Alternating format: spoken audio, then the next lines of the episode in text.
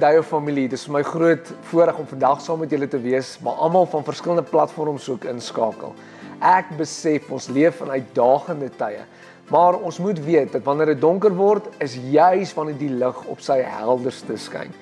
Daar's 'n teksgedeelte hierdie week wat my so getref het in Matteus 5 vers 16 wat sê in the same way let your light shine before others that they may see your good deeds and glorify your Father in heaven. Um mense het van verskillende plekke af almal bymekaar gekom in hierdie week um, om uit te help met families wat in nood is en ek gee God al die eer daarvoor. Um ek wil jou ook uit aanmoedig om betrokke te raak. Jy kan betrokke raak by Rope en Rope se bankrekening inbetaal of selfs betrokke raak in jou gemeenskap deur 'n familie uit te help. sien die nood raak en help uit waar jy ook al kan. Ek het dan ook hierdie week um saam met die band uh span geworship en 'n uh, bietjie uitgereik na hulle toe deur Zoom en ek wil sê die ouens mis julle verskriklik en saam saam met julle te worship en te aanbid. En uh, ons gaan net voor ons nou gaan begin het hulle so klein verrassingkie vir julle ook wat hulle ook julle wil bedien en uh ons gaan nou ook 'n song ook van hulle hê en ek wil vra dat daar waar jy is dat jy jou oë sal sluit en ook net saam met ons 'n oomblik van stilte sal hê en aanbidding sal hê voor ons gaan begin met ons boodskap. light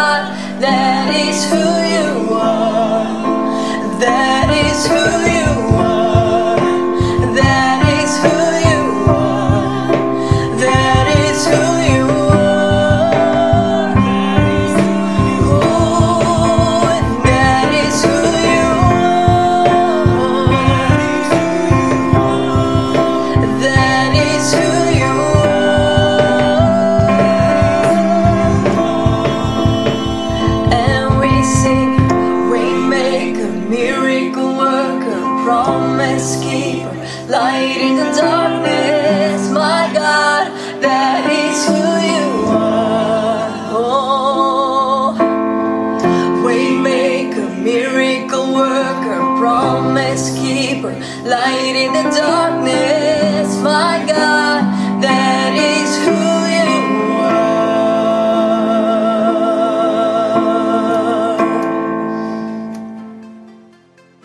Ons het so mooi Afrikaanse stelling wat ons altyd sal sê wat ons sê ons praat van daai naalbyt oomblikke, daai stres oomblikke in ons lewens.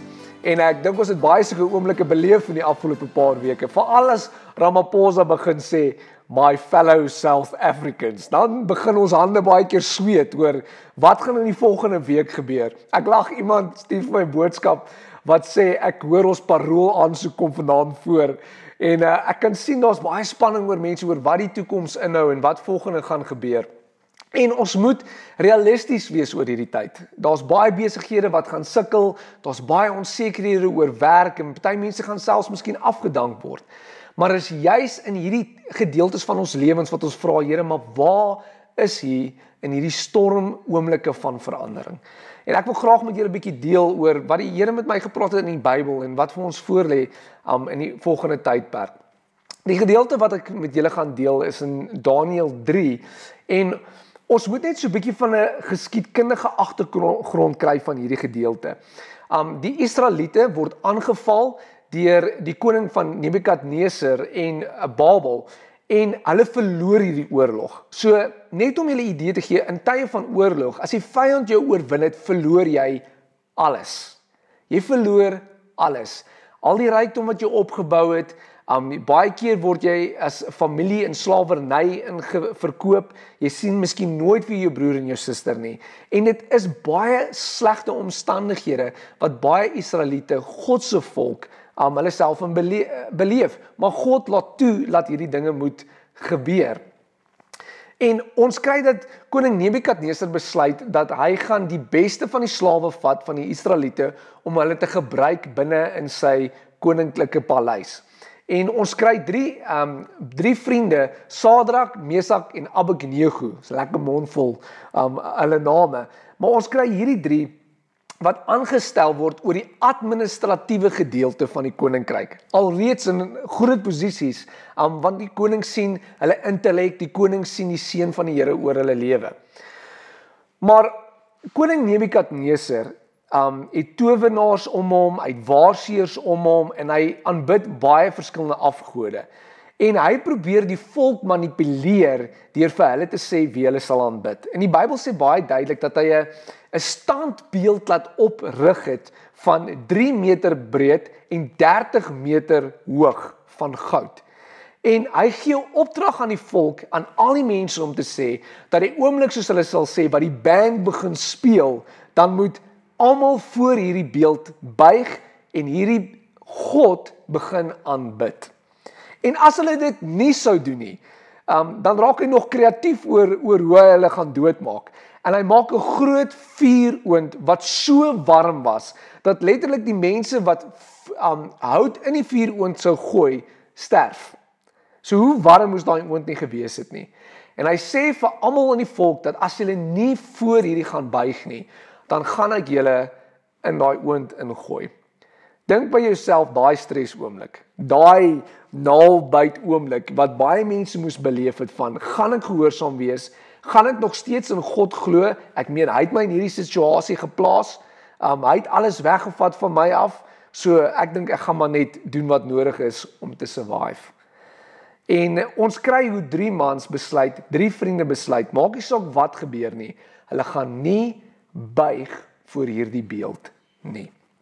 En Um die gedeelte wat ek wil lees is in Daniël 3 vers 16 en ons skryf waar Sadrak, Mesach en Abednego het koning Nebukadneser geantwoord en hulle het nie gebuig nie. Koning Nebukadneser sê as julle dit nie gaan doen nie, gaan ek julle in die vuur ontgooi. Hoor wat hy sê. Hy sê ons ag dit nie nodig om u hierop te antwoord nie. Die God wat ons aanbid, kan ons uit die vuur red. Hy sal ons uit u mag bevry. Dan sê hy en die majesteit alselfs al red hy ons nie. U majesteit sal ons nie u gode vereer nie. Ons sal nie die goue beeld wat u gemaak het aanbid nie. Hoe amazing is dit? Hulle staan voor 'n koning. Hulle sê vir die koning: "Koning, ons het nie nodig om die eerste antwoord nie, maar ons sal nie voor hierdie beeld buig nie. En al red God ons nog steeds nie, sal ons nog steeds doen wat hy vir ons sê. Totale gehoorsaamheid. En daar's 'n gedeelte wat God vir ons wil leer uit hierdie gedeelte uit. Eerstens ons moet besef dat ons geloof baie keer maklik besoedel kan word. Hoe word iets besoedel? As jy 'n bak water vat en dit is die skoonste water en jy vat so 'n bietjie grond en jy gooi dit in die water en jy meng dit, gaan jy dit drink? Ek dink nie jy gaan nie.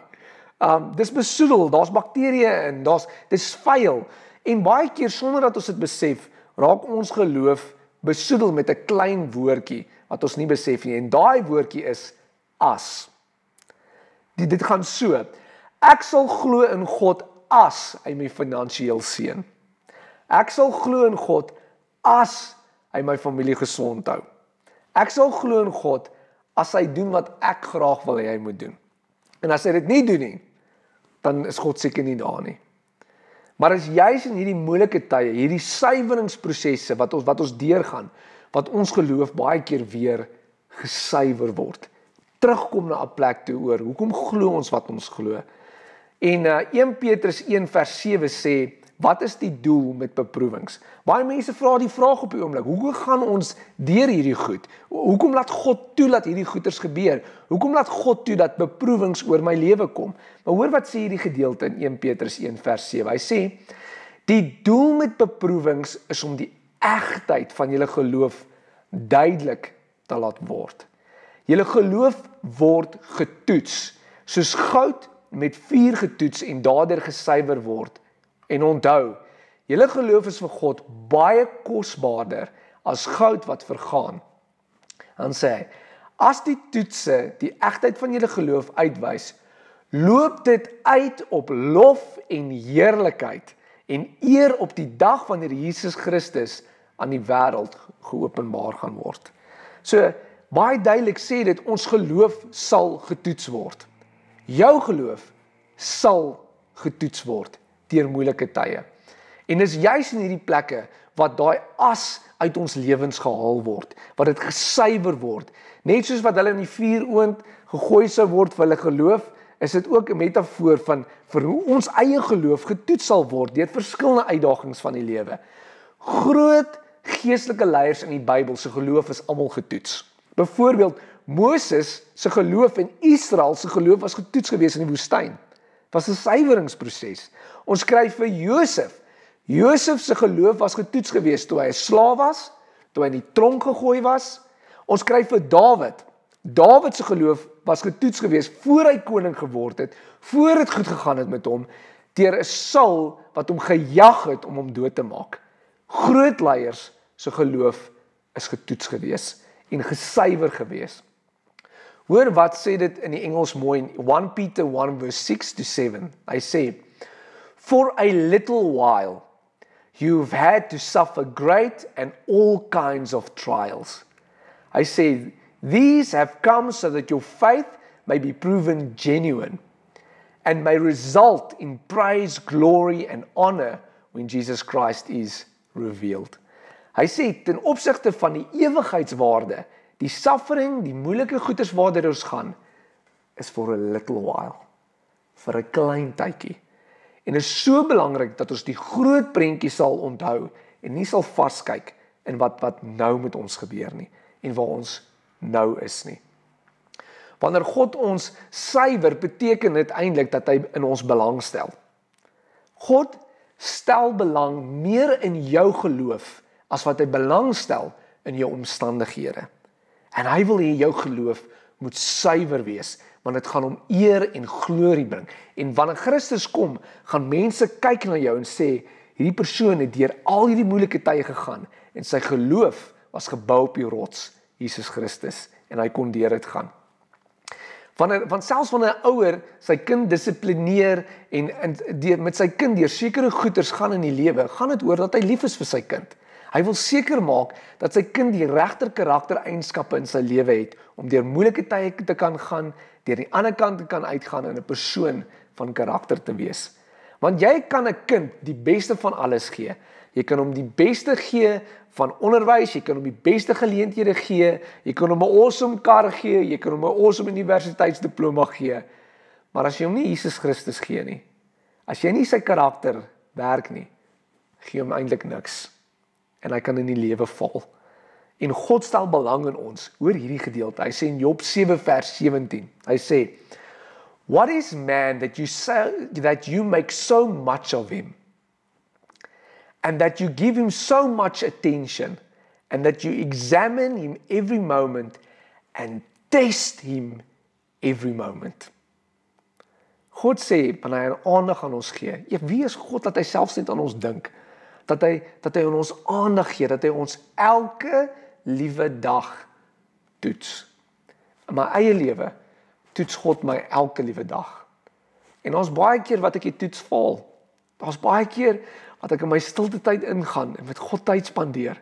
Wat God se gees met my kom praat en sê, "Ag, ah, jy moes nie daai woorde gesê het nie." Of dan sê ek soos Here, vergewe my, ek het die toets gefaal. En ons ander kere wat God weer kom, hy sê hy sê bemoedigend en sê, "Well done." Well done. Maar God toets ons elke liewe dag en so suiwer hy ons geloof. En dis hoekom daai stilte tyd, daai tyd saam met God so belangrik is, want God wil aan jou werk. Jou geloof is soveel meer kosbaar. En is juist daai daai oomblikke van tande by, daai stres oomblikke, daai moeilike tye wat die beste tye is vir God om ons geloof te toets. Die feit dat die kerke toe is, die feit dat mense nie nou in groot massas bymekaar kan kom om God te worship nie, is seker een van die grootste toetse wat die kerk deurstaan.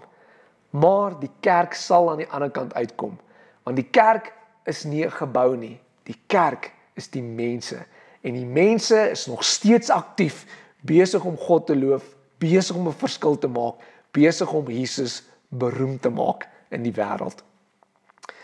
Ek dink seker een van die grootste toetse veral in hierdie tyd, die hele wêreld se ekonomie op die oomblik is in 'n stilstaan. Ons sien dit in die oliepryse hoe alles val en ons kan eintlik nie glo wat om ons gebeur nie. Maar ek glo dat almal van ons dat geld seker die beste manier is wat God gebruik om ons harte te toets. Want hier's die ding, vat iemand se geld weg, dan kom jy baie vinnig agter wie daai persoon is. Geld het 'n manier om ons te toets. Hoor wat sê die volgende gedeelte, 2 Korintiërs 8. Hy sê, "Excel in the grace of giving. I'm not commanding you, but I want to test the sincerity of your love." Dis interessant dat God geld gebruik selfs om ons te toets, om ons karakter te toets. Hoekom? Jy kan baie vinnig sien as jy 'n persoon se geld wegvat wie hulle is. The love of money is the root of all evil. En ons sien op die oomblik hoe die wêreld in paniek is oor die ekonomie en geld en baie mense verloor baie. Dit is so. Maar is juis in hierdie oomblikke wat God ons hart gaan toets oor. Hoe dink ons oor geld? Wat maak ons met die bietjie wat ons het? Is ons besig om alles net vir onsself te hou in 'n paniek of is ons nog steeds besig om te help wat ons kan, gee wat ons kan doen om sy naam groot te maak? Om mense te kan terugkyk en sê die kerk was daar vir my gewees. Mense was daar vir my gewees juis in hierdie tyd. Maar kom ons kom terug na Sadrag, Mesach en Abednego, want hierdie hierdie storie is amazing. So die koning sê, "Dis reg, julle wil nie vir my luister nie." Um hy maak dit heel dramaties, gooi nog um hout binne in die vuuroond en hulle gooi vir Sadrag, Mesach en Abednego binne in die vuuroond. En hulle sien iets raak, waar hulle sien, "Jeg, maar was daar nie net 3 manne gewees binne in die oond nie?" Skielik sien hulle 'n vierde een, 'n engel van God en hulle is besig om binne in die oond rond te loop. Dink by jouself hoe ongelooflik moet dit wees, daai oomblik. Hulle brand nie, niks gebeur nie. Die Bybel sê hulle klere het nie eens geruik na rook nie. Dit dis amazing. En God is daar met hulle. God is daar met hulle. Hoe amazing is dit dat wanneer ons deur die grootste toetse van ons lewe gaan, is God nog steeds daar met ons. Hy los ons nie alleen nie. Hy bly langs ons. En in daai oomblik is God met hulle en seker een van die grootste wonderwerke gebeur op hierdie oomblik. En hulle stap uit en die koning kan nie glo wat hy sien nie. En hy sê dat daar net een God is en die volk, hy sê die hele volk moet dit weet. Daar is net een God. Dis juis in tye van beproewing wat God sy grootste wonderwerke doen. En dis juis in hierdie tyd wat ek weet in my hart dat daar ons amazing wonderwerke gaan sien van voorsiening, van genesing, van ons op God vertrou en die toets, toets deurstaan. Um ek hou van wat Edwin Louis Cole sê. Hy sê some things in life are more important than life itself. En baie keer het ons nodig om te sê ons staan op ons waardes, maak nie saak wat nie. God is nog steeds daar in jou toets. Hy los jou nooit alleen in hierdie toetstydperk nie. So ek wil jou bemoedig in hierdie tyd waar jy gaan. Miskien is jy in 'n tyd wat God jou gaan toets. Wat hy jou geloof gaan suiwer. Aan die ander kant gaan jy soveel sterker uitkom as wat jy nog ooit gedink het jy kan wees. En jy gaan besef dat daar soveel wonderwerke in jou lewe gaan gebeur. Ons gaan vir God volg, maak nie saak wat nie. Geen asse is gekoppel aan ons geloof nie. Ek wil hê kom ons sluit ons oë vir 'n oomblik. Ja Vader, ek besef daar's baie mense daar buite wat op die oomblik naal buite oomblikke het van stres en weet miskien nie waar hulle volgende inkomste gaan kom vandaan nie of wat hulle moet doen nie. Here, maar ek weet U is besig om deur die Heilige Gees in mense se lewens te werk in hierdie toetsoomblikke. Here, ek bid dat U ons sal suiwer, Here, dat U langs ons sal staan in hierdie oomblikke, dat U ons nie sal alleen laat nie. En ek weet U sal nie, want U is so so lief vir ons. En ons gee U al die eer. Amen. Ook van ons kant af ons wil ons baie dankie sê en almal se getroue bydrae ook in hierdie tyd. Um jy maak dit vir ons ook moontlik om Jesus beroem te maak. Die kerk is gebou is miskien gesluit, maar die kerk is hard besig om die hande en voete van Jesus te wees. Ons wil ook vir jou vra dat jy ook ons sal help deur die video's te share. Um daar's baie WhatsApp boodskappe wat op die oomblik uitgaan en dis 'n klein gedeeltjie net oor hoe jy mense kan bemoedig en hulle gees kan opbou en daai vuur binne in hulle aan die brand te hou vir sy koninkryk. Die Bybel sê baie duidelik dat in die laaste dae baie mense hulle geloof sal verloor. Maar kom ons hou God se vuur aan die brand in hierdie tyd. En uh kom ons deel dit ook aan die wêreld. Ons bereik ook soveel baie meer mense deur media en is amazing hoe God besig is om te werk. Dan ook net vir jou familie by die huis, um, waar jy miskien by die bank op die oomblik is, lekker saam sit en ek weet party van julle het nog julle pantoffels aan. Dis oukei. Okay. Um maar miskien 'n paar vrae wat jy ook kan behandel ook met julle familie om ook net hierdie woord binne in julle harte um ook te vestig. Die eerste vraag is op watter manier word jou geloof op die oomblik getoets? Watter manier word jou geloof op die oomblik getoets? Um die volgende vraag is watse wonderwerke vertrou jy God voor? Watse wonderwerke vertrou jy God voor? En ek wil vra net daar waar jy is vir 'n oomblik, dat jy saam met jou familie sal bymekaar kom, dat julle saam sal bid en dat julle saam sal sê Here, ons weet ons gaan deur 'n tyd van beproewing maar ons vertrou U vir die volgende wonderwerke in ons lewe. Mag Here julle seën by julle wees. Um ek weet God is met julle en ook net van ons en daai familie af groot liefde en voorspoed vir julle. Totsiens.